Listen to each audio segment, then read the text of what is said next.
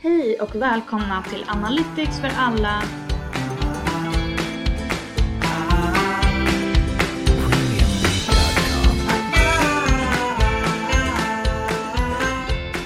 I dagens avsnitt så kommer jag att gå in på kartor och hur trafikläget kan visas i Google Maps. Varje dag så körs över en miljard kilometer med Google Maps i mer än 220 länder och territorier runt om i hela världen. När du hoppar in i din bil och börjar navigera visas det omedelbart några saker. Vilken väg du ska gå, oavsett om trafiken längs din rutt är tung eller lätt, en beräknad resetid såklart, och en beräknad ankomsttid. Även om allt detta verkar enkelt finns det massor bakom kulisserna för att kunna leverera denna informationen på bara några sekunder för oss. Jag kommer att ta upp trafik och dirigering i det här avsnittet. Och om du någonsin har undrat hur Google Maps vet när det finns en enorm trafikstockning eller hur vi bestämmer den bästa vägen för en resa, då är det bara att fortsätta lyssna.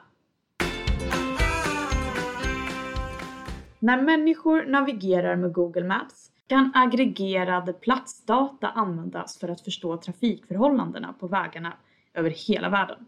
Medan den här informationen hjälper dig att hitta aktuella trafikuppskattningar oavsett om en trafikstockning påverkar din enhet just nu tar den inte hänsyn till hur trafiken kommer att se ut om 10, 20 eller 50 minuter in på din resa. Det är här som tekniken spelar en väldigt stor roll. För att förutsäga hur trafiken kommer att se ut inom en snar framtid analyserar Google Maps historiska trafikmönster för vägar över tiden. Det vill säga, låt oss ge ett exempel. Det kan finnas ett mönster som visar att motorvägen på E4 har fordon som körs med en hastighet på 90 km i timmen mellan klockan 6 och 7. Men bara 70 till 80 km i timmen på en sen eftermiddag. Denna information kombineras sedan i en databas med historiska trafikmönster med levande trafikförhållanden och använder maskininlärning för att generera förutsägelser baserat på datauppsättning. Trafikmodeller är också en viktig del i hur Google Maps bestämmer körvägen.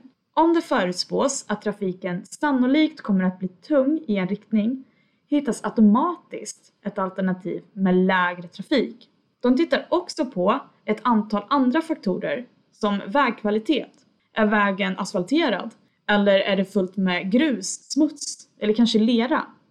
Faktorer som dessa kan göra det svårt för en väg att köra ner och det är mindre troligt att de rekommenderar den här vägen som en del av din rutt.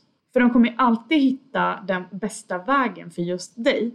De tittar också på en vägstorlek och riktighet. Så att, att köra längs en motorväg är ofta effektivare än att istället ta då en mindre väg som baseras på flera stopp. Så hur exakt fungerar allt detta i verkligheten? Låt oss ta ett scenario.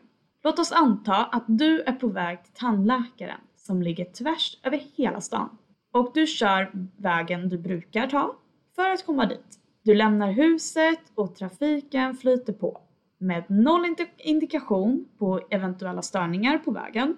Med Google Maps trafikprognoser i kombination med levande trafikförhållanden meddelar Google dig att du, om du fortsätter längs din nuvarande rutt som du alltid har gjort, finns det en god chans att du fastnar i en oväntad eh, trafik på cirka 30 minuter in på din resa.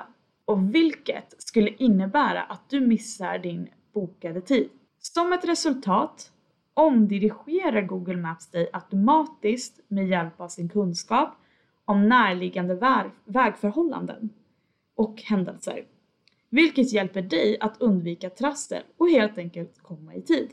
Att förutse trafik och bestämma rutter är otroligt komplicerat som ni hör och sådan teknik kommer alltid att fortsätta utvecklas för att hålla oss på en rutt som är så säker och effektiv som möjligt. Och eftersom det är något som påverkar allas liv på ett eller annat sätt, snarare på väldigt många sätt, så, är, så kommer alltid denna typen av um, information och då teknik som sagt att vara i rullning. Det kommer alltid att komma ut något nytt. Det kommer, vem vet vad, eh, vad Google Maps kommer kunna göra eh, om bara om fem till tio år baserat på all den data som den kan få in.